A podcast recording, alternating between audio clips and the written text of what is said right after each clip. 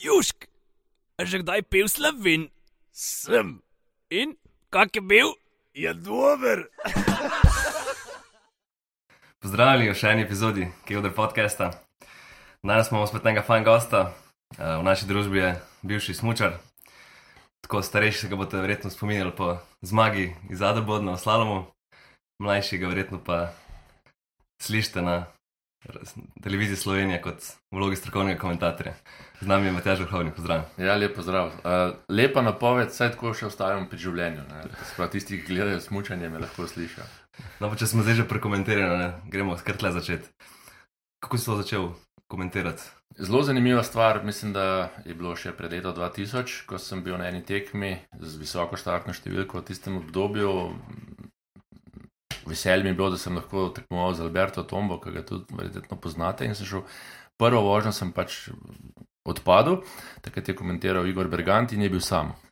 In je rekel, zašto, če bi mu prišel pomagati z nekimi nasveti, ker on se na vse ne spozna. No, in me je v drugi vožnji zolekel v tisto kabino in je bila proba, mene je bilo sicer strah. Bi bilo zanimivo, če bi zdaj slišal tisti posnetek, kako je to izgledalo. Uh, no, ampak jaz sem pol tekmoval še vrsto let, tudi tista sezona, tisti dve sezoni sta šli mem. Uh, in uh, ko sem končal, dejansko nisem vedel, kaj bi pravzaprav počel, kaj bom počel. Ustvaril sem si družino in tako naprej, selil se v novo mesto.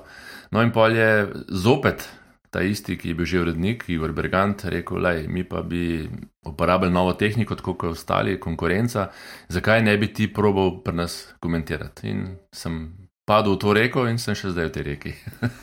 Pa je bil tudi, eh, so, tako imaš tako globok glas, so prepoznali, da bi bil primeren. Uh, ne, Poleg vem, ne, vem, zakaj, ne vem, zakaj Igor, poleg tega, da takrat nas je smučalo ogromno, tudi recimo, je bilo en kup enih dobrih fantov, ki so smučali in je mene zbral. Res, da sem imel potem malo šolanja pri določenih slavistih na televiziji, malo sem se mogel sam znajti, ampak dejansko je stekel in nekako se mi zdi, da sem se vnesel tako in drugače. Trudil sem se biti čim boljši in le, ljudje so me sprejeli in še danes eh, to počnem. Ni pa, ni pa enostavno, če pogledam nazaj, je bilo kar zanimivo. No. Dobesedno sem bil vržen, vržen v posel in uh, tudi drugi, ki so še za mano poskušali, je bilo podobno, ampak jaz sem se še obdržal. Gre, kakšna pa je izkušnja s temi slavisti? Mislim, je bil pač napredek hitro opazen, res. Uh, ja, en. Me odličen. zanima, ker recimo eni, recimo štajrca, če bi še ful ne, ti si. Pa dobro, tle ne gre toliko za sam narečje, sej uh, narečje je meni še vedno zelo, zelo, zelo uh, fajn slišati uh, do določene mere. Največji problem sem imel tukaj, da uh, kako pravzaprav izbrati čim bolj slovenske besede, ker smučar, a pa vsak šport ima svoj žargon. In, in uh, določene besede, ki jih mi smo se pogovarjali o smučari, to prenes, da bojo gledalci nekako zastopili in je bilo malo naroden v bistvu vse te stavke skupaj sestaviti, kako koli. Ampak um, en dober nasvet sem dobil od ene, od ene gospe, ki je rekla: Največ se boš naučil, če boš sam sebe poslušal. To je najtežje. Ne? Probajte to, to je res Ja. ja. najtežje, ampak se pa, ja. na, se pa največ naučiš in tega sem probal kar veliko narediti. Tako da tudi prenose, ko sem si jih v tem uh, dubu pripombe, recimo z RTV-ja, pa potem sam sebe poslušal, se je marsikaj hitreje rešil, kot bi se. Ne? Je pa to grozno, sam sebe poslušal. Ja, ja, vemo, vemo. Ja, sej, Hujše sam, če se, če se še gledaš zraven. Ja, tudi, tudi, to je res. Strinjam. Jo, je kar zanimivo montirati te naše debate. Ampak se navadiš, ne, sej. Uh, Ja, se, Moraš gledati, moraš gledati, moraš gledati, moraš gledati pač, da, da, da tako je, da te tako drugi vidijo in uh, se moraš dati v en določen, določen prostor sam s sabo, pa gre, marsikaj gre. No. Ti si si, Marko, tako najdu pomagača, da ti pomaga montirati. To Da je se ne rabiš gledati. To je res, Pa po, poslušati. počasi se zamenjava z uh, Nejcem, ampak dobro, tu ni zdaj v nas. Uh, uh, mene zanima, pač, uh, jaz da sem gledal uh, na YouTubu tiskaj top komentator, online komentator, nek star izsek je en. Fuzbaler. Anton Borkovič. Ja, ki komentira tisto tekmo Zajca, mislim, belih, pa Maribor. Maribora, pa belih. um, pa zdaj tam tako zadeva plus smešno izpade, ne, pač itak, najbolj se niti ne znajdeš, nimaš nobenih priprav za vse skupaj. In pa ali tako ti kot gledalci si misliš, ja, jaz bi to zihar lažji, pa tu je zihar, pač tu se da sploh v nekakšni couch selektorji, ne, so zelo Mhm. pametni, mislim, smo tudi včasih pametni.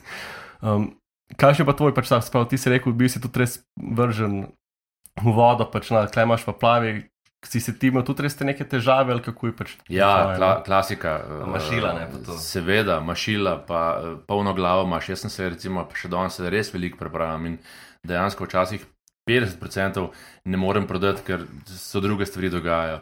Je pa res ena stvar, jaz sem to pač delal uh, v bistvu v studiu in nisem viden. To se pravi, govorim televiziji in ne smeš se predstavljati, da govoriš, kaj sem 500 tisočim ljudem. Uh, res pa je, da če bi pa stopil na oder, pa delal v živo drugo stvar, pa verjetno ne bi bilo tako dobro, ker tukaj pri smočariji sem tako domač, da dejansko to vem, res tudi izkušen, da me zelo težko speleš na, na kriva pota in se bom znašel. Če bi pa danes me dal komentirati, ne vem, pa gledam rad druge športe, absolutno vse, ne vem, nogomet ali pa košarko, pa da bi se mogel to na novo priučiti, bi bilo pa zelo, zelo težko. Ne. Je pa res, da imam eno odločevalno okoliščino, jaz nisem glavni komentator, ampak sem sokomentator. To se pravi, z Urbanom ali pa z Hudomaljem, ki delava smočarijo, imava to lepo razdeljeno. On ima komentiranje, jaz pa stroko in je potem veliko lažje. Eh, Kako pa zdaj, naprimer, priprava? Vem, da pač pri teh fuzblerjih, ki tazgam, skodne že ne začne razlagati temu, da je bil pa un fuzbler, pa glih takrat pri frizerju, pa ne vem, kaj vse komentirajo. Pa če ste imeli oni tu Instagram sprot gledajo, kako pač zdaj, da priprava. No? Ja, zdaj, uh, v teh časih, ko so vsi ti mediji, od uh, Facebooka in tako z Instagrama naprej, se da marsikaj pogledati. In jaz, recimo, primer, če vidim ne, na Instagramu, da so bili Avs- Avstrijci ali pa Američani v Novi Zelandiji, ali pa recimo v Čilu, tam, kjer sem tudi bil, pa na tem smočišču, mi je relativno dosti jasen, kakšne so proge, uh, kakšna je tam uh, zadeva. Potem, absolutno uh, je za naš posel nujno, da se gre tudi na teren. Ker jaz tisto, kar veliko povem, vidim tudi na terenu dan prej ali zjutraj, pred tekmo. Vidim, ko se ogrevajo, ne vem, un pade, en ga je trener nadaril, en mu ne gre, en je zgubil, kaj sem palco. In z tega rata zgodba. S tem, da se še potem uh, je nujno vmešati med serviserje, trenerje, take in drugačne. Moja generacija, recimo, bivši tekmovalci, so danes trenerji, fizioterapeuti, serviserji, kakorkoli. In v bistvu poznavanje teh ljudi, lokacij in okolja mi da veliko, da lahko potem zgodbo sestavim. Je pa začeti težko, ker ne veš. Vsi, ki so bili, kako in kaj, mnogi se malo skrivajo, nočejo povedati, ampak ko pridemo enkrat v decembr, januar, ko to steče, pa ko sem tudi jaz na terenu, oziroma ko smo, je pa to bistveno, bistveno lažje in potem kar stečeno. Si pa skozi zraven na terenu, pol niste. Ne, ne, ne, smo ste- nekje 50 odstotkov, tudi vseh tekem ne delam, uh, jih pogledam, imamo na srečo pogled nazaj, ker je velika rešitev in pogledam si skoraj vse tekme, no, tisto, kar je zanimivo, zato da tekmovalca spremljaš, ne, ker jaz mogoče drugačne stvari vidim, kar vidi človek, ki mu moramo potem povedati. A da bi pa smučil, da bi naredili pa nek strokovni uh, posnetek proge pred tekmo, pa ne bi šlo tako, kot se na, na MotoGP-ju, ki se prej zapeljajo, pa takrat, ko še skubic komentirajo. Uh, ne vem, kako bi to izgledalo, je pa res, da poskušajo ene ekipe, trenerji, kako koli, uh, jeti na ogled proge, ki poteka uro pred ali pa uro pa pol pred tekmo. To se pravi, to ni en dan prej, proga ni postavljena, terene več ali manj poznajo, sploh smokači. Klasike, se, eh, tisti, ki so večkrat gor terene, spoznajo in vejo, kaj jim približno sledi, za slalom je drugače. In uh, imajo posnete s telefonom, sam skozi se zelo malo mal pogledaš. Dejansko jaz grem tudi na progo, tako pogledati kot tekmovalci, naredim isti ogled in iz izkušenj, ker sem jaz tako čas gledal, pogovori, kot rečeno, z ostalimi, tudi s tekmovalci, sicer na tekmah jih zelo težko motiš, ker so vsi v svojem fokusu, jih je treba dobiti nekje ob tekmah in to težko, ker se bolj razbežijo uh, in potem dobiš informacijo. Ampak ta stvar, pri smuku, ja, pri smuku pa ja, delajo to norvežani že nekaj časa, mislim, da to druge ekipe snemajo iz z droni, iz nasprotnega stoječega hriba. Proge, kaj sem kic bili postavljeni skoraj uh -huh. enako. Ja, Ne, tudi imate uh, za te koli so postavljeni železni in greš lahko danes v avgustu, greš lahko pogledati progo, kako izgleda dejansko. Ne. In to tudi študirajo. Ne. To je pa res. Ne sem bolj v bistvu tako mislil za gledalce, da bi tebe opremili s kamero, pa bi pač, ki bi smučil po tej progi dol, pa se To delam, spustil. to, pa- to, delam, aha, to, to delam, sicer uh, tuje televizije delajo to tudi na, na drugih tekmah, uh, mi pa žal samo na domačih tekmah. Tako da jaz, ma, jaz sem pač tudi en tistih bil, ki sem poskušal malo spremeniti to. Dejansko smo zdaj smučali s kamero na glavi in ti vidiš samo kole. Jaz se pa zdaj že ene par let spuščam za tekmovalcem. Oziroma, pred tekmovalcem, v spredaj gre predtekmovalec, jaz pa s kamero tudi na glavi, grem po sredini, on gre pa levo, desno in v bistvu, če, če se da nazaj pogledati, zdaj no nič več. Um, uh, jaz snemam dejansko tekmovalca, ki je 2-3 metre pred mano in zelo dobro se vidi konfiguracija terena, bistveno boljš in kaj se z njim dogaja. Ne? Veš, ali naredi napako, ali ga zanese, ali gre mimo, ali gre prepozno, ali gre prezgodaj. Skratka, dobra, dobra, dobra zgodba. no. Sem včasih pa tako prav, kamero imel v roki. Pa... To imajo pa smokači. Smokači imajo pa kamero v roki, pa tudi drug kot ima, da dejansko več zajame. To so pa šli trije že pred leti, ko sem še jaz dirkal. So šli v Venginu, mislim, da tri, en za drugim, pa so imeli vsi kamero v roki, pa so en drugega malo prehtevali, pa snemali. To je dobro, to je zelo Aha, pa interesantno. verjetno na tej višini, ko je on glih. Ko je on, ja, no. ja, ja. A, okej. Jaz sem tudi poskušal, ampak je težko v slalomu se moč pa še kolem umikati, da jaz imam na glavi in dejansko jaz tam pol vmes. Uh, je, pa, je pa izziv, ne? ti moraš gledati na tla, kaj se na tleh dogaja, njega, da ne šel preblizu, pa še pol kolem umikati, tako da kot se po nekem vinogradu pelati. Sem da ni na čukari. Upam. Ni, ne, ne sme biti, ne sme biti, bi kaj izpustil. Matjaž, zdaj pa če gremo mi tvojim začetkom smučine, kje si začel, kako si začel, kdo te je navdušil. Ja, uh, mislim, navdušil sta me, navdušila sta me starša, absolutno. Uh, oče je bil športnik tudi prej. Ampak uh, začel sem pravzaprav z enega drugega razloga s mučanjem, oziroma s, da sem bil v hribih. Namreč eh, imel sem astmo, ker dost eh, hudo alergičen sem bil na, na konjsko dlako, pa živeli smo zraven hipodroma v Ljubljani, to se pravi, da res štala po domače povedan. V glavnem uh, so zdravniki rekli, da dajte fanta v hribe, da bo v hribih, ker sem res lažje živel v hribih, ne, pravi na tej višini izven megle in tako. tako. No, pa sem pa me nekako sem rekel, da je v starši, pa da je smučati. Jaz sem že prej turistično smučal in pa smo me upisali v smučarsko društvo Dolomiti. Nadaljeval sem pol v novinarju uh, in pristal pač v Krki, tukaj v novem mestu. Ampak ja, tako, nek slučaj plus želja po gibanju. In pa ampak si, imel, si bil tako med, med najbolj nadarjenimi ali si skozi leta. Ne morem reči, da sem bil med najbolj nadarjeni, brat je tudi smučal, dve let mlajši, ki je bil sicer po mojem mnenju celo boljši kot jaz, ampak je mal uh, skrenil iz uh, te smeri. Uh, bil sem pa delavc. Talent niti ne tak, ampak priden uh, delavc in z delom sem v bistvu premagoval marsikakšen talent. Pa bi lahko primerjal kot bolj dragične Dončić. Recimo, dobra primerja. Ok, zdaj pa, ko smo gledali Lenci, ne. Uh, Kakšen si imel pol, kako ste sprejeli te v novem mestu? Moram reči, zelo dober. Takrat, ko je uh, v bistvu novinarju, sem bil z Matejo Svet, z Rokom Petrovičem, sta bila mečkem pred menoj, vzornika, vselej, uh, zelo dobro situiran in tudi uspešen klub, ki je za tema dvema asoma nekako uh, končal svojo, rekel, tisto vrhunsko pot kot prej. In eno od trenerjev je poiskal vezo uh, z uh, Krko Rok, uh, z go, gospodom uh, Golobom in na nek način smo potem trije, oziroma pet iz Ljubljana, smo prišli v Nomeški klub. Tukaj smo najdeli neko sredino, uh, ki jo sicer nismo tako srečevali kot sicer, ker smo živeli v Ljubljani, ampak uh, tukaj sta smučala, to se pravi uh, Kocjan, Rok pa, pa Golob, to se pravi uh, Luka. In smo potem najdeli eno tako super sredino, ker smo nekaj časa bili skupaj. In skozi to, ko sem jaz napredoval, uh, tudi v svetovni pokal, se je v novem mestu rodila neka ekipa uh, s pomočjo kluba, ki so hodili navijati. Na začetku zgolj za zabavo, uh, no potem je bilo pa to, kar uh, širši krok z tega. In ne samo zabava, ampak uh, tudi tako uh, simpatično potovanje. Nam reko obveza, ampak uh, smo res ratali prepoznavni, no, tako nasploh, ker se je vedelo, da ko, recimo, primeri moje najboljše sezone so na tekme hodili tudi po treh, štirih avtobusih uh, iz novega mesta, tako da je res bila, po moje, v tej generaciji najbolj razširjena grupa navijačev. Kako se pa zdaj spominjaš teh? Imaš kakšno zgodbo navijačev? Uh, zgodb je kar velik, ja. Kakšno, ko bi jo delil? Uh, absolutno. Kakšna kevdrska. ja, Kjodrski absolutno je ta, da navijači ti najbolj zagrezani. Smo, mislim, da pred tisto sezono, 2000, uh, smo šli s kombijem, uh, s kolesom do Dubrovnika. Dobro, jaz sem pa šel samo do Splita, pa sem, šel, pa sem se razdelil, tako da smo imeli v prvi vrsti kondicijske priprave. Uh, seveda pijače ni manjkalo, tako da takrat jaz sicer nisem to konzumiral. Uh, uh, pa nisem poznal toliko dolenskih vin kot kasneje. Ampak tako smo začeli, uh, uh, po drugi strani mi je pa žal, da nisem šel velikrat z njimi ali pa nisem mogel iti z njimi. Uh, po tekmi domov, ko sem zmagal v Adelbodnu, smo šli mi direkt v Korejo in smo šli zelo na avion. Tam so bili trije avtodomi in uh, ko so šli domov, bi v takem vzdušju rad šel z njimi, no, ker je bilo res veselje, praktično noben ni spal do doma. Uh, dali so zastavo, pa moj plakat na, na okno, takrat so bile še meje, mm, cariniki in to, in so prišli na mejo, so cariniki sam mahali. Ni noben preverjal niti dokumentov.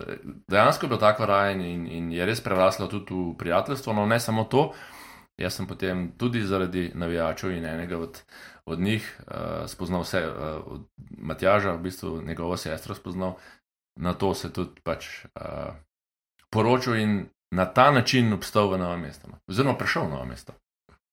To je lepo. Fajn tleni.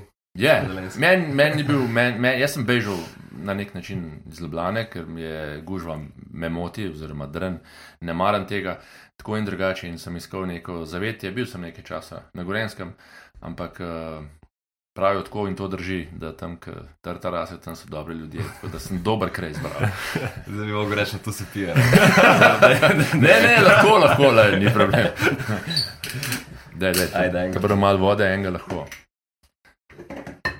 No, kaj sem še hodil vprašati, kako so pa recimo te tvoji iz tujine, so tekmovalci, od, so, odre- mislim, so bili presenečeni na tvojo navijaško skupino. Ja, uh, mislim, da se je zgodilo še Moniju, delač v Franciji, ko so se pripeljali z dvema avtodomoma in uh, so postavili svoj plakat, to so imeli, oni so celo noč se vozili in so plakat postavili, ker si je vsak mogel izboriti svoj prostor za transparent, no, ne plakat. In pridejo tja in so bili zraven, mislim, da celo Bržaja, eh, enega fanta, eh, kolega, ki je seveda nastopil že v prvi sedmerici in imel dobro številko. In en od teh navijačev pač gleda, ne, kdo je to vrhovnik. Jaz sem imel pa številko, ne vem, zadaj, tam čez 30.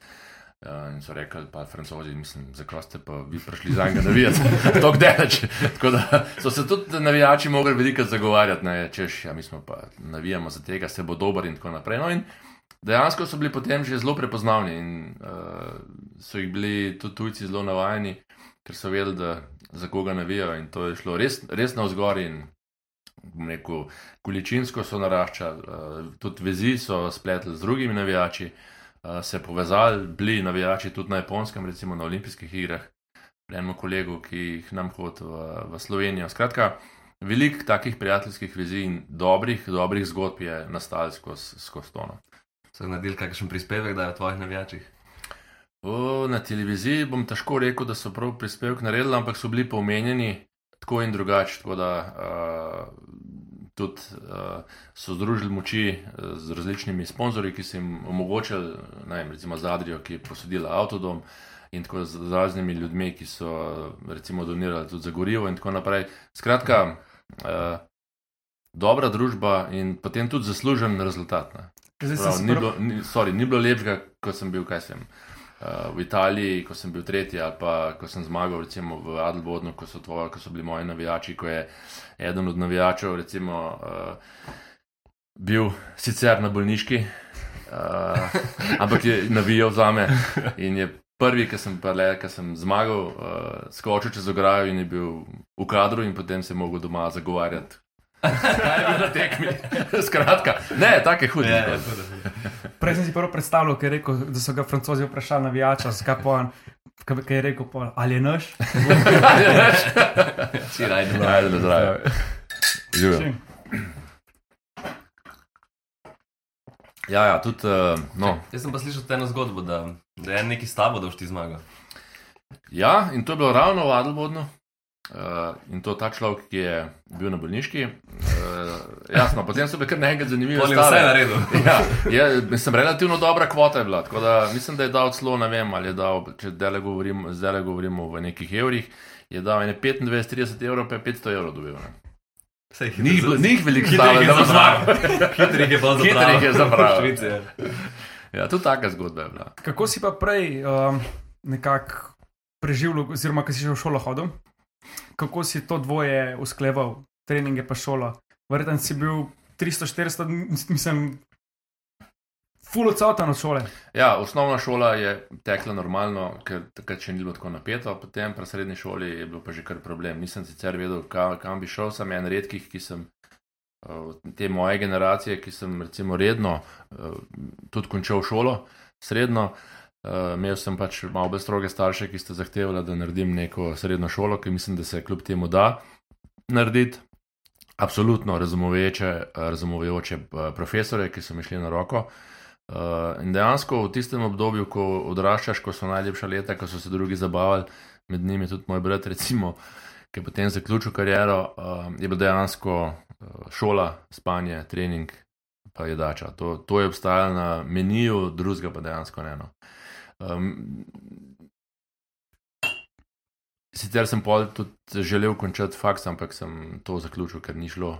Uh, na Difu sem bil, uh, mislim, da je paroletnik. Ampak, kakorkoli, potem sem se res uh, posvetil sam smočari. Največji problem tudi danes zimskega športa je to, ker nimamo razmer. Ne, recimo, danes zdaj le grejo fanti v švajo, recimo, ne, kranci in tako naprej za en mesec.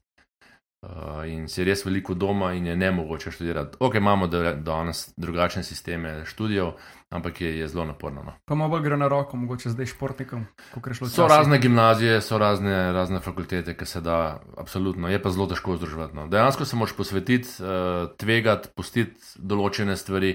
Na srečo nisem imel toliko velikih poškodb, pa takih, da bi me lahko zaustavili. Imel sem jih kasneje, bolj ob koncu karijere.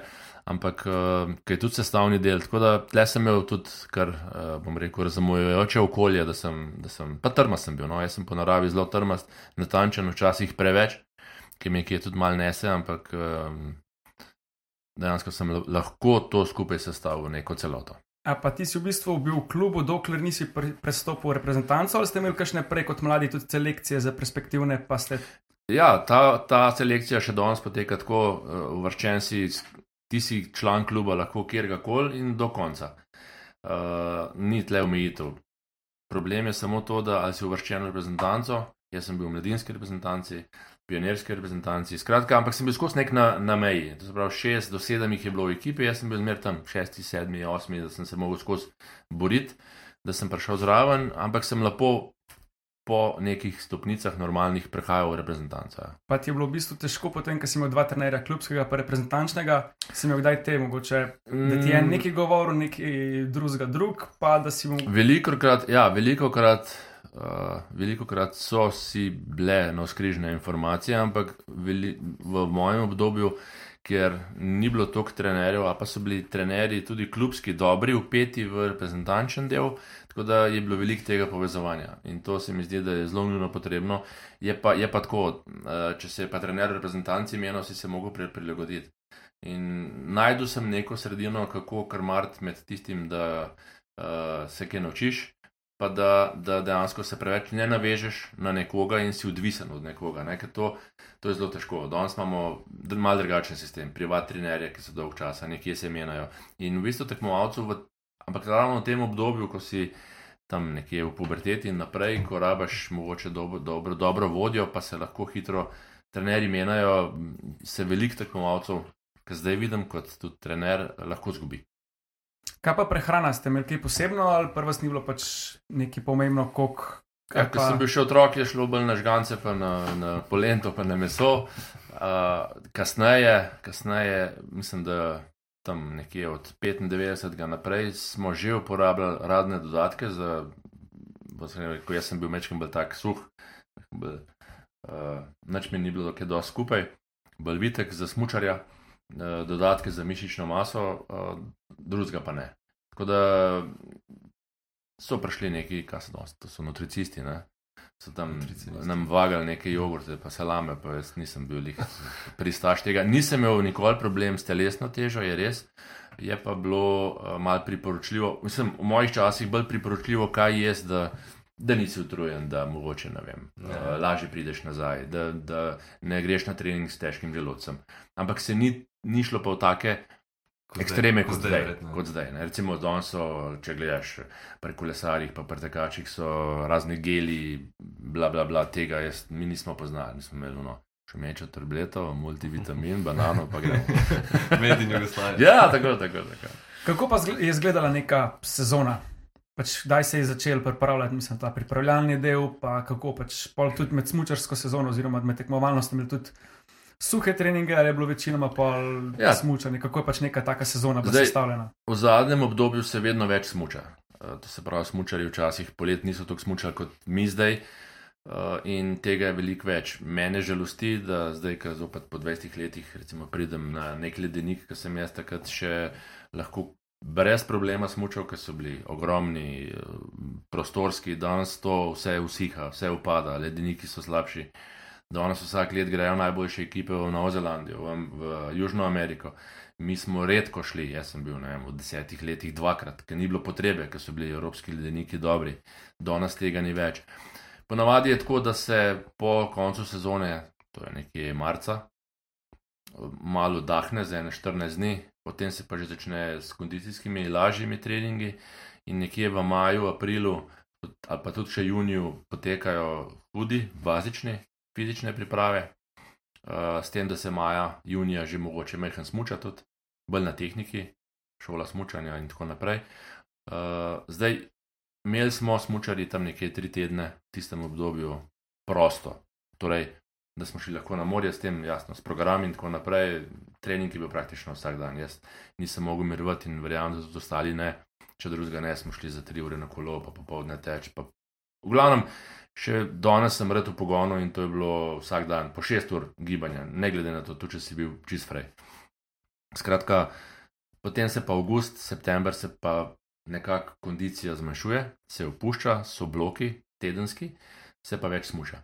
In dejansko od avgusta naprej, september, oktober, se pa te treningi karjačajo. Zdaj, odvisno, v katerih disciplinah nastopaš. Hitre discipline imajo malo teže, ker imajo druge terene in teže dostopni. Eni in isti, mi smo malo menjali, recimo, bila je pa to Italija, Avstrija, Švica. Uh, kot sem že prej rekel, ti ledeniki so danes 30% slabši, kot so bili pred 20 leti. In jaz se bojim, kaj bo čez 20 let. Kaj pa po tvojem mnenju naredi tisto razliko med vrhunskim in dobrim smočarjem? Ker če predpostavljamo, da načeloma bazo nekako vsi isto naberejo. Kaj pa je tisto, kar naredi razliko? Pač to si več upa na tekmi, ali doma, doma boljši občutek, kdo pač znova smučate. Glava, ja, zelo lepo. Jaz sem prepričan, da psihološka priprava je 50%. 50 odstotkov, nedvomno, uh, da se veliko natrenirati. Jaz, meni ni sram povedati, jaz sem dolga leta sodeloval s psihologom in ta psiholog me je samo pripravil do tega, da sem jaz obvladal svoj strah oziroma pa negotovost ali pa um, kako se lahko temu reče. Skratka, če, če opišem tako, čez pavc, jaz sem dobil štartno številko, sem šel na tekmo in sem imel sam s sabo probleme. Ne? Pridajo navijači, uh, kdo te gleda po televiziji, ali bom dober ali ne bom dober. Včasih je strah pred neuspehom ali strah pred uspehom. In se pojavijo dvomi, in kar naenkrat nisi več tak, kot bi bil. Ne? In dejansko jaz sem z določenimi avtogenimi treningi, z določenim pogovorom, tudi odkritjem sebe, uh, ker psiholog ali tako psiholog in, in stranka, tekmovalci, morata 100% zaupati.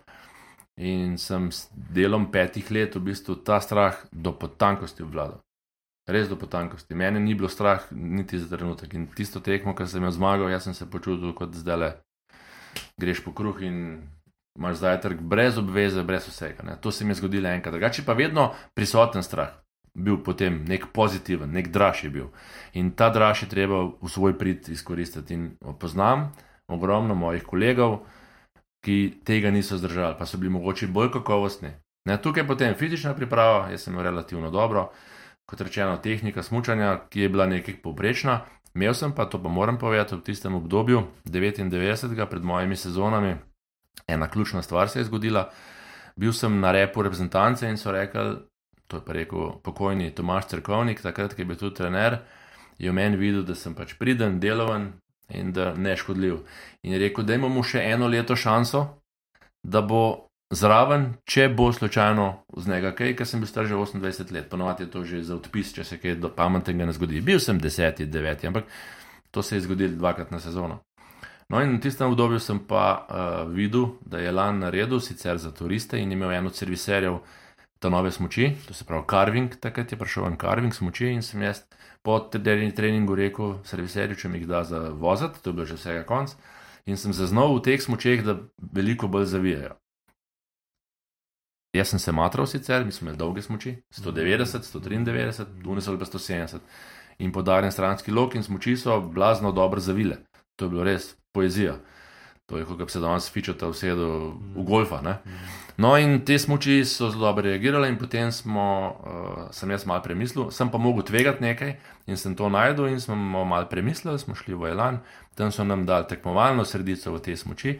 In naredili smo super kombinacijo, in jaz sem na naslednjih treningih z lahkoto, res z lahkoto, brez truda, premagoval konkurenco, ki sem bil prej za njimi, za sekundo. Da To je bil fantastičen preobrat. In tudi to mi je dalo samozavest. Pa si ti vse poklopilo v bistvu. Tako, tako. Če tako pogledaš, pol nekako te zmagovalci, ki so, so nek tip osebe, ki načelno v neko družbo ne paše, ker so mogoče malo samo všečni, Tako morajo biti tako je.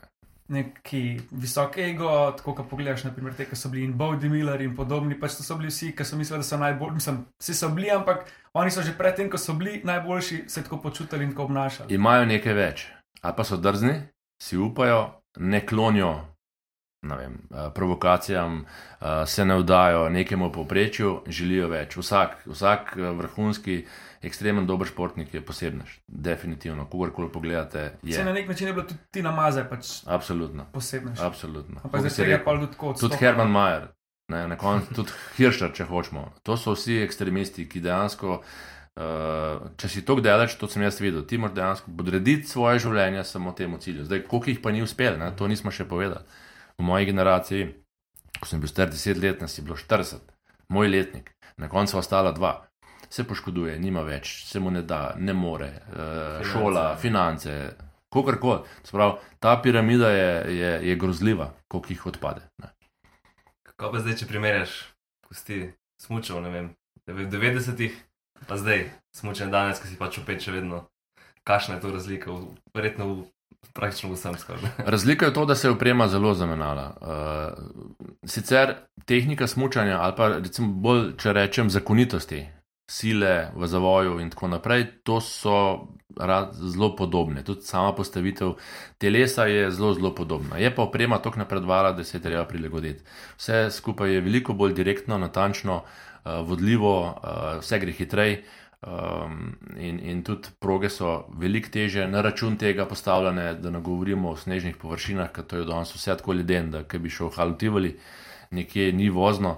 Uh, ampak takrat bilo, so bliže te zametke, ko sem jaz prehajal, ne pa tako ekstremno. In dejansko mi smo imeli nekih, neke, neke, neke možnosti širjenja. Ali pa bom rekel, rezerv v opremi, v sami tehniki, danes se to zmanjšuje, ne. danes je tega res mini, mini, minimalno. Ne. In tudi športniki so, bom rekel, še bolj profesionalci, še bolj pripravljeni. Me pa mogoče ena stvar malo žalosti, ker si pa pomagajo tudi določeni, določene zadeve, z včasih mogoče ne fair pristopom. Govorimo o dopingih in tako naprej. Kaj pa kot nek tudi tega. tehnični doping, pač, če tako pogledaš pri smučanju nekega dopinga, ne moreš imeti koliko preteku. Eh, Tehnični, tehnični doping se pojavlja, ali pa goljufije. Bom rekel, danes imamo uh, smoči se po od vseh tekmovalcev se merijo, da, ni slučaj, da mora biti sem, tak lok, taka širina, že se pojavljajo goljufije ne, na račun opreme. Uh, ne vem, na pamet, ali pa če, vem en primer, recimo smočarski dresi. Obstajajo tri, tri firme, ki delajo smočarske drese, tri materijale. In Avstrijci so kupili za enega, Švicari drugega in ti tak dres, a pa tak material, da bi si naredil smočarski dres, ki ga imajo Avstrijci, sploh ne moreš dobiti. Je nemogoče, ker so ga oni zakupili. In v bistvu s tem, da so golfali, včasih so tako naredili, da so štartne številke talali pred tekmo zvečer. In na smuku so si recimo Avstrijci z lakom za lase špricali startne številke, da so bile gladke.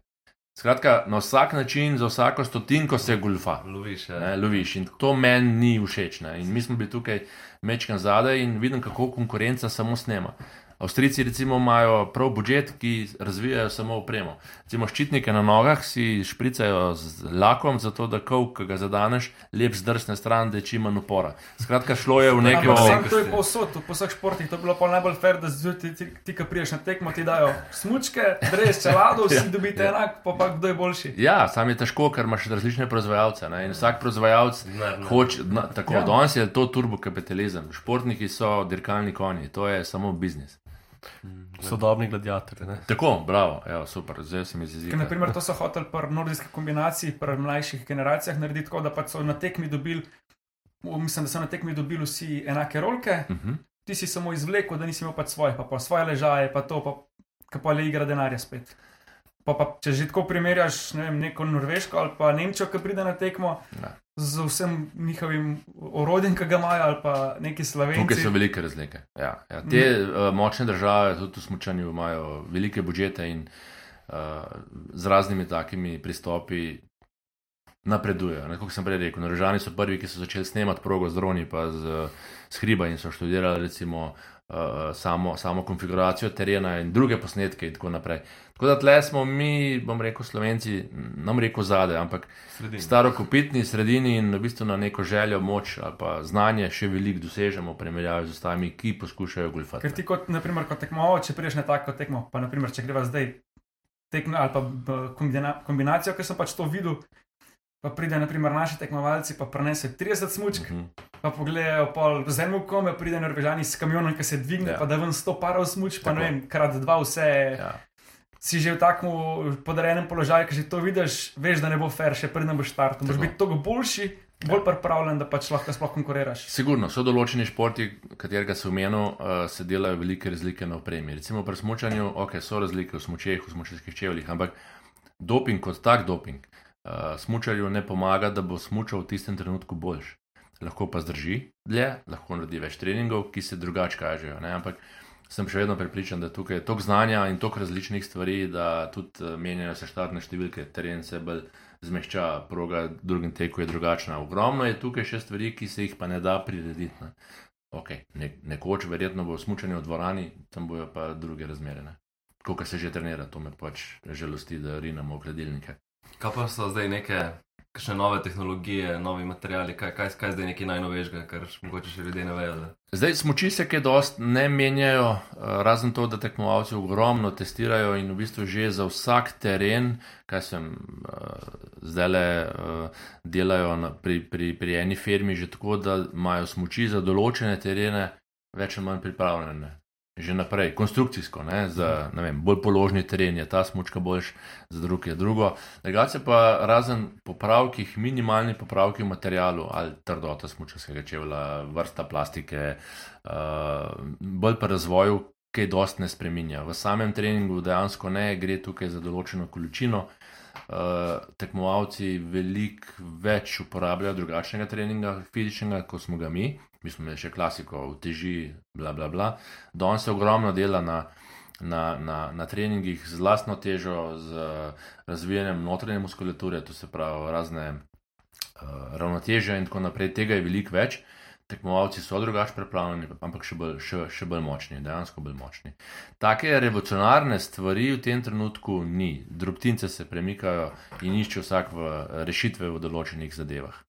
Pa je bila carving smočka največ največja. Carving je bil v tistem obdobju tak velik preobrat. Tudi zdaj uh, se geometrija ne, me, ne menja, določena je in taka mora biti, bolj struktura materijala, to se pravi malo prožnost, mogoče torzijska sprememba, ampak minimalne stvari. A je v smučanju kakšno tako pravilo, ki mi ga mi ne poznamo, tako skrito ali pa, ali pa ne napisano, ali pa kakšno tako, ki se ne vem. V kolesarstvu, da zadnjo etapo se ne tekmuje, recimo, pa je v smučanju, ne vem, to zdaj čist banalno povem, primer, ampak. Ne, v smučanju takih stvari ni, uh, prav posebnih, da jih ne bi poznala, pa da bi se dokaj tazga novega lotu. Ni, ni. Je, je vse je zelo strogo napisan. Uh, tudi odločitve šefov ali pa direktorjev na sami tekmi, ali je tekma fair ali ne, odvisno od vremena, to se sprot spreminja. Dejansko ne bi poznal tazga nepisanega pravila. Mogoče to, to zagotovo, to je bilo že v naših časih, nagrade tekmovalcev, serviserjem, če so dobri, to so pa nepisana pravila. To se pravi, serviser, po mojem mnenju, je včasih bolj pomemben kot trener, on vendarle pripravlja orodje za, za smočarja. Uh, sicer ta serviser je plačan od, od, od, od, od firme, ampak uh, nepisano pravilo pa je uh, 10% od nagrade, dobi serviser. Če imaš dobro konja, se da tudi kaj več zaslužiti. kaj pa kakšno pravilo, ki bi ga ti spremenil ali pa dodal ali pa še tako stvar? No, zdaj ta nov, ta nov predse, novi predsednik, Eljaš, milijarder, milijonar, on želi spremembe, ampak uh, po mojem mnenju včasih mal napačne. Uh, namreč smučanje je tradicionalni šport in ga težko seleš v državi, kjer smučanje ni domače. Se pravi, izven Evrope imamo Ameriko, ki vemo, da niso tako zainteresirani, imamo nekaj v Avstraliji, Kanadi, kakorkoli. Ampak da smo šli mi na Kitajsko delati, recimo olimpijske igre, jaz sem bil tam, sem videl marsikaj, določene stvari mi niso bile všeč. Uh, Veliko denarja je šlo v prazno, ker ne bo šel noben več tja, se pravi, stroškovno je neupravičeno. In uh, se širi smutanje v države, kjer sam še čakam, no, da bo enkrat rekel, Savdska. da bomo v Afriki, a po Saudski Arabiji smučali. Ne vem, kako to bo, bo, bo šlo. In dejansko premiki uh, danes ekip so včasih zelo nesmiselni. Uh, na začetku sezone v Ameriko, na koncu sezone v Ameriki. Veliko poti, že tako je veliko poti, avionov, robe, ampak to je vse, kapital dela svoje in tukaj mi nimamo. Okay? Se tudi velike države borijo proti temu, ampak zaenkrat je predsedniška palčka tako močna, da na meni ne more kaj dosti usporavati. Gre tukaj za zelo specifičen šport, ki je odvisen od razmer in kakovosti. Če si enkrat navajen piti dober cviček, pol dobiš pa slabega, ne, to se pravi, ne, ne moreš iti na slabše. Zdravo. Zdravje.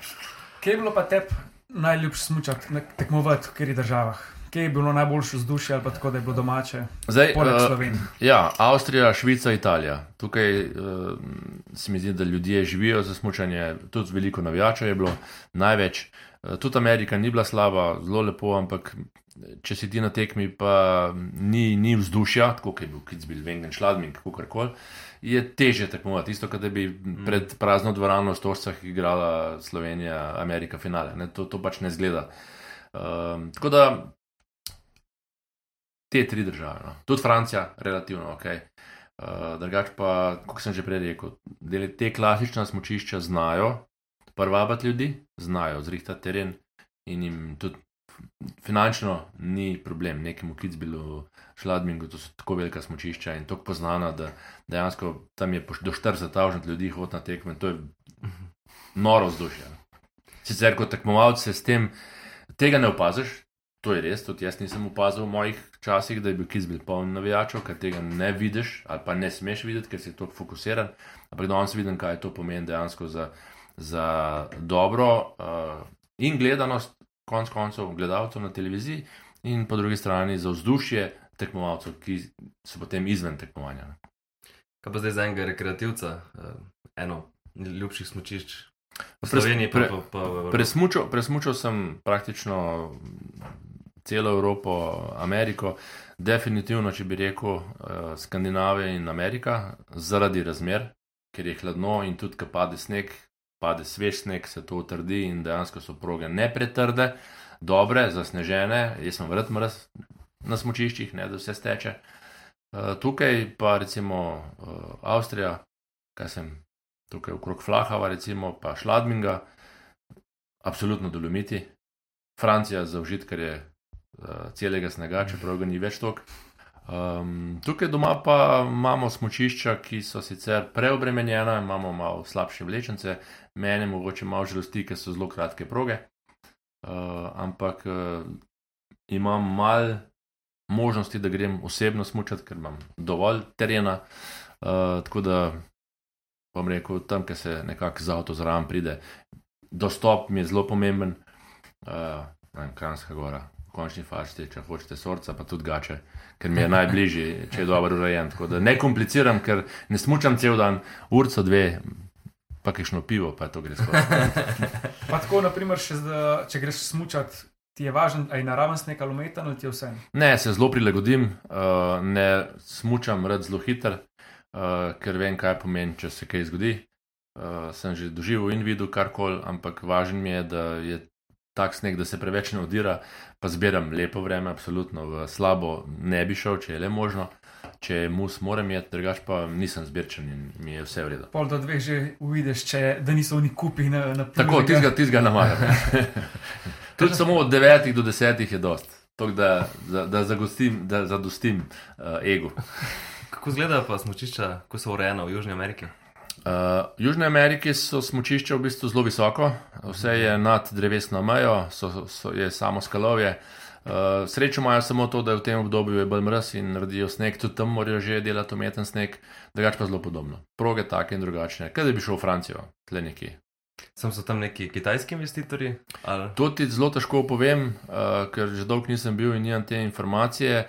Ne bi vedel, uh, je pa res, da vem, da v Švaji, recimo tam, kjer hodijo trenirati ekipe, da so italijani investirali kot uh, reprezentanca v neko vrste solasništvo smočišča in so prepeljali svoje ratrake, svoje mreže, uh, zato da imajo lahko oni cenej trening oziroma grejo z roko v roki. Za Kitajce pač ne vem.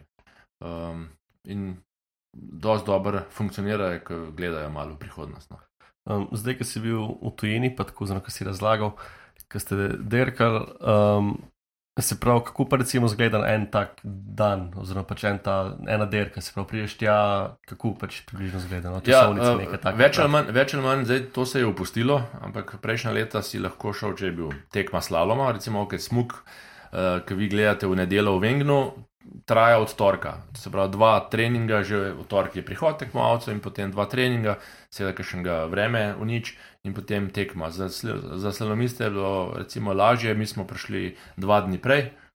In en dan pred tekmo je bil preizkus terena, da si se lahko pelil brez proge, dve, dve vožnji si naredil, da si teren spoznal, tega zdaj ni več, to so ukinili. Uh, in potem, uh, jasno, zelo fajn je, mislim, mi, smo, mi smo prihajali že z nekim treningom v nogah. Če je bila tekma v nedeljo v Kitzbilu, mi smo v torek, sredo trenirali nekje doma, ali to Kranjska gora, kako koli. Prihod v Kitzbil, en dan prosto, drug dan trening. Uh, zvečer je bil žrebanje, podelitev štartnih številk, seveda čim bolj spočiti, uh, se zjutraj zbuditi. Jaz sem ne rad zjutraj vstajal, tako da mi je bilo to mečken muka, ampak sem se mogel spraviti do prave forme. Tako da potem pa zelo zgodaj, praktično v pol, pol šestih naprej je že zajtrk in ko je še tema, ponovadi se pride na smočišče, naredi ogrevanje, tako da ko vi gledate televizijo in je prvi tekmovalec na štartu, ima on že dve uri in pol ali pa tri ure pred sabo ogrevanja, smučanja na prosto, ogrevanja takega in drugačnega. Nekje se je treba tudi pol ure voziti, recimo Selden se pol ure vož z avtom do, do višine. Tako da dejansko gre cel dan ali pa do treh so tekmovalci v pogonu skozi. Praviš, da imate tudi neki prosto mesto, kaj se izkoristi ponovadi za, za počivanje, ali se tudi kaj raziskuje, malo kaj okolje. Uh, ne, raziskuje se več ali manj. Ne, na, na, raziskovali smo, če smo šli na trening, recimo, ne, ko smo šli v Ameriko, smo smučali na višini en teden, potem smo se pa gor na Copper Mountainu, pa smo se pa dol zapeljali na nižino v, v, v, uh, v Denver, pa tam prenočili uh, za kakšne dva dni. Uh, šli na kakšno, kakšno dvorano, športne igre, zato smo malo uh, utrudili energijo, Pa imel sem enega trenerja, ki je bil pripravljen se mogoče tudi za, kam zapeljati. Pa smo se potem zapeljali do Grand Canyona, smo ga pogledali, recimo za kakšen dan, da nisva zabila v prazno. Med tekmami pa tega časa ni. To se pravi, tudi na olimpijske igre svetovnega prvenstva, ko tekmovalci prihajajo, recimo na Kitajsko, ko so tekmovalci prišli, so bili dan, dva uh, prosti, ampak ki je bil čas COVID-a, so bili praktično v, zaprti v, v hotelu, niso smeli nič narediti. Tako da dejansko, ko si tekmovalci in potuješ tekme na tekmo, vidiš letališče, hotel, progo in greš domov. Tako da nekega luksuza ni. Jaz bi se še vrnil te eh, mentalni pripravi. Si imel ti kako rutino, pred, preden si šel na štart, s katero si pač umiril glavo ali pa ne kar- kako bi to rekel. Ja, jaz sem se zelo rad umaknil v, v stran, uh, nekje, kjer ni bilo uh, nobenih ljudi, tudi znal sem iti v, v gost, par sto metrov stran, se usesti in dejansko v, bistvu v glavi se spomniti najboljših občutkov na tekmi ali pa na treningu z dobrih voženj, sploh takrat, kadar niso bili najboljši občutki.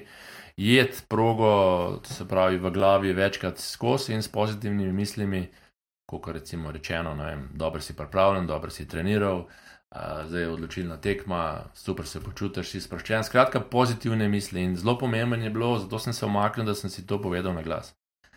Ne, da sebe slišiš, ker če ti samo to v glavi je drugače, kot se sebe slišiš. Včasih sem se tudi posnel, pa si to zavrtel, sploh zvečer. Drugače pa enostavno umi, umiril krni, krni, krni pritisk um, srce in sem si zadal, potem že v, ob koncu karijere, da dejansko je treba uživati v teh stvarih. In ko sem se spravil do občutka, da sem res užival, uh, so druge stvari bile uh, potem bistveno lažje, narejene in slabe pozabljene. Tako da bolj to, pozitivne misli. No. Da bi pa kaj posebnega imel, kakšno stvar s seboj ali pa to, to pa ne. Se pravi, nisem več vražvernega, ne prvo Mm. mm. lev štumf, pa desen če. Ne, tega ne, tega ne. Tega ne. Jaz sem pa eden redkih, takrat, če ni bilo čelad, sem imel ta uh, uh, za zobe. Aha, ščitnik za eh, zobe. Ščitnik za zobe. In sem prvega, ki sem ga kupil v Ameriki, je bil rumen. In potem sem tistega zgubil in sem na vse pretege iskal tisto rumeno zadevo, ker so bili samo plavi in prozorni. In ga nisem dobil, no potem je pa nekdo iz Amerike zopet prinesel. To sem pa imel, no. hotel sem imeti rumen. In pa so vsi na slikah, ker sem bil fotografiran in še en plakat imam doma narejen in so rekli, zakaj imaš ti tako rumene zve?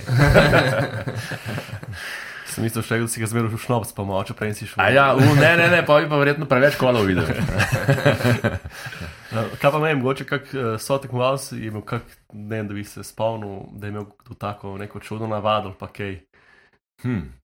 In Ponovno so imeli kak take, ne vem, kakšnega piščanca je pretekel mogo za oskubiti ali pa karkoli. ne, ne, ful bi tu, če so imeli kakšne take, ful uh, odštekane zadeve. Pa ne, niti ne, da bi tako imel eno tako zgodbo, da bi se spomnil. Uh, ni bilo, ni bilo, ni bilo. Smo bili, veš kaj, uh, pri smučari- pri smučanju, jaz mislim, da je drugače uh, pri ekipnih športih.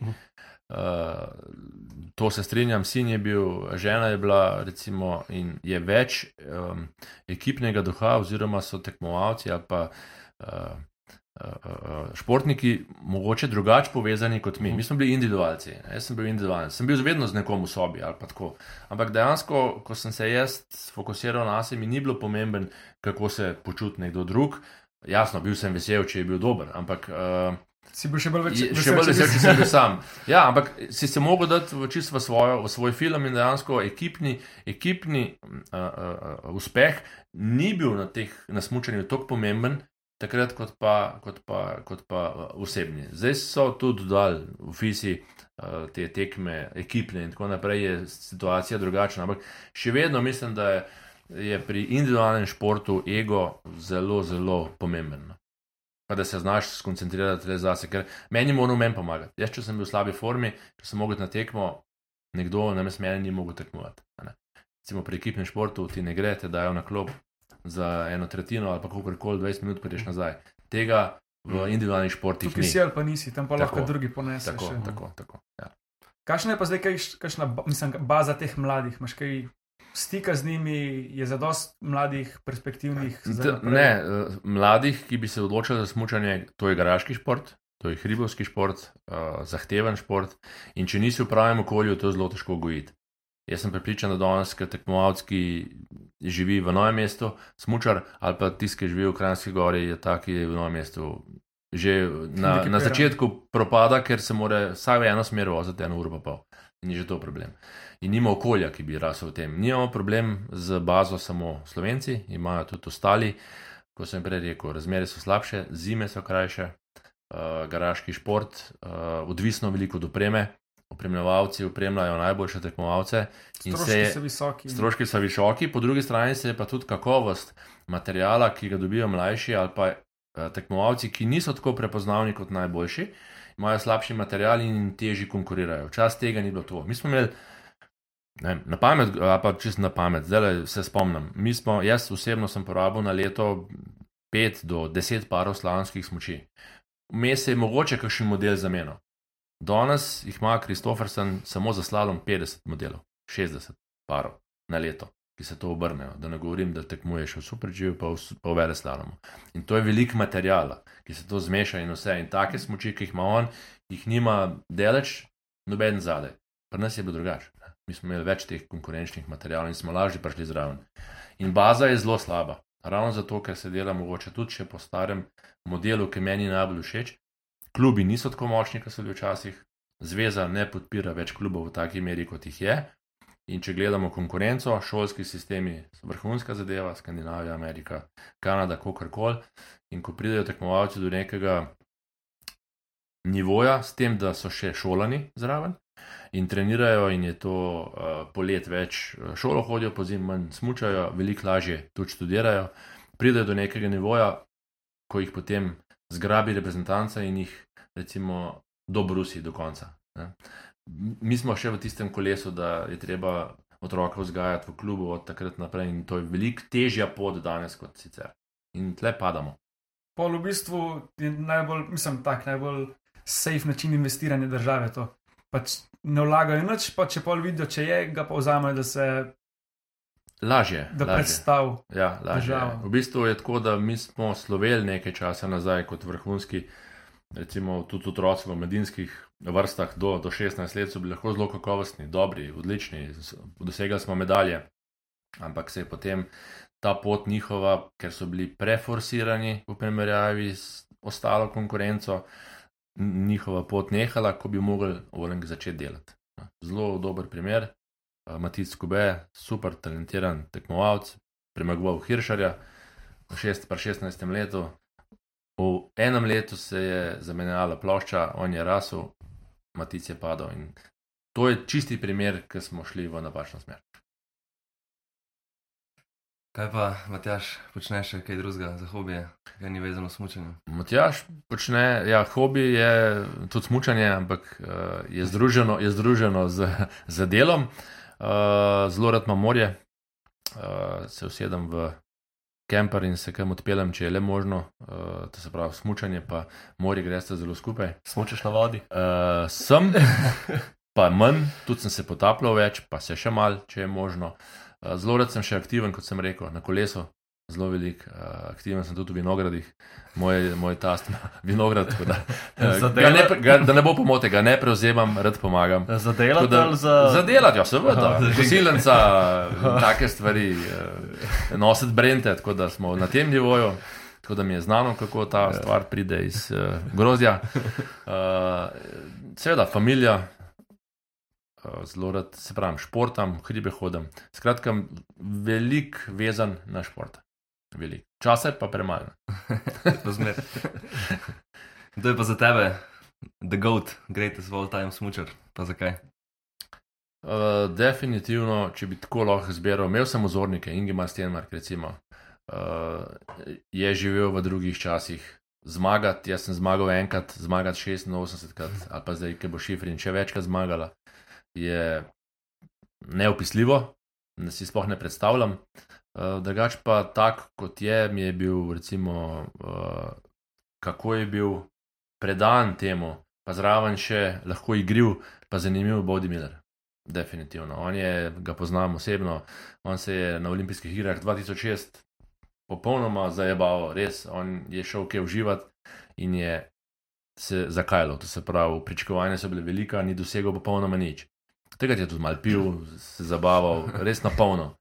In je v tistem trenutku, ko so se nehali olimpijske igre, si zadal eh, cilj, da na naslednjem svetovnem in olimpijskih bo pa dober, in je spremenil ploščo in je šel iz bom rekel, iz negotovega uh, uh, profesionalca v strogo profesionalizem, obrnil ploščo in dosegel tudi, recimo, spektakularne rezultate.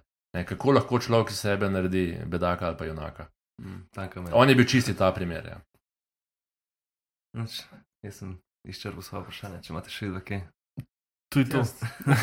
Dobro, upam, da Ajde, dajmo še en. eh, Dajmo še kaj en. bi eh, Matjaš rekel 20-letnemu Matjažu ali pa da je tak na svet za mlade, da se kaj naučil v teh letih? Za mlade, da ne sledijo svojim ciljem, da ne gledajo, da, da ne gledajo recimo v določenih zadevah zelo osko, ne preširoko. Uh, in da če verjameš v svoje sposobnosti, pa da res uh, delaš na tem, pa v kjerkoli stvari gre, da tisto stvar, ki jo želiš delati dobro, jo delaj 100%, ostale pa pač malo manj, ker tri stvari naenkrat delati ne moreš. Tako da neko natančnost, delovnost, to, kar ti tudi šport da. Uh, in seveda, da je treba misliti svojo glavo, če se le da, in tudi upoštevati vse stale komponente v, v, v tem življenju. Uh, in sam sebi treba pomagati, ker kadar je hudo, ti zelo, zelo, ljud- zelo malo ljudi lahko pomaga.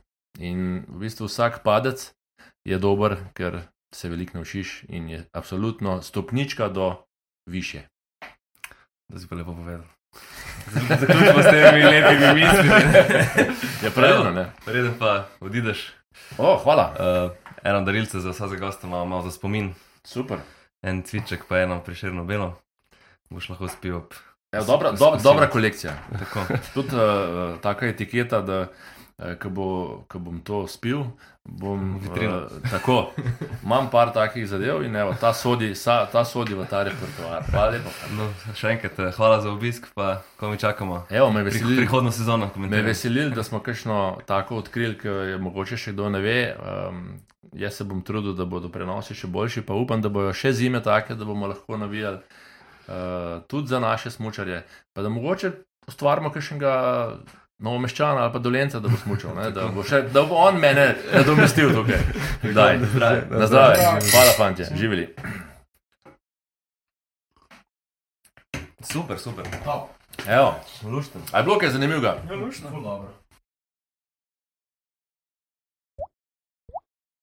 Južk, sod te pušča. Južk.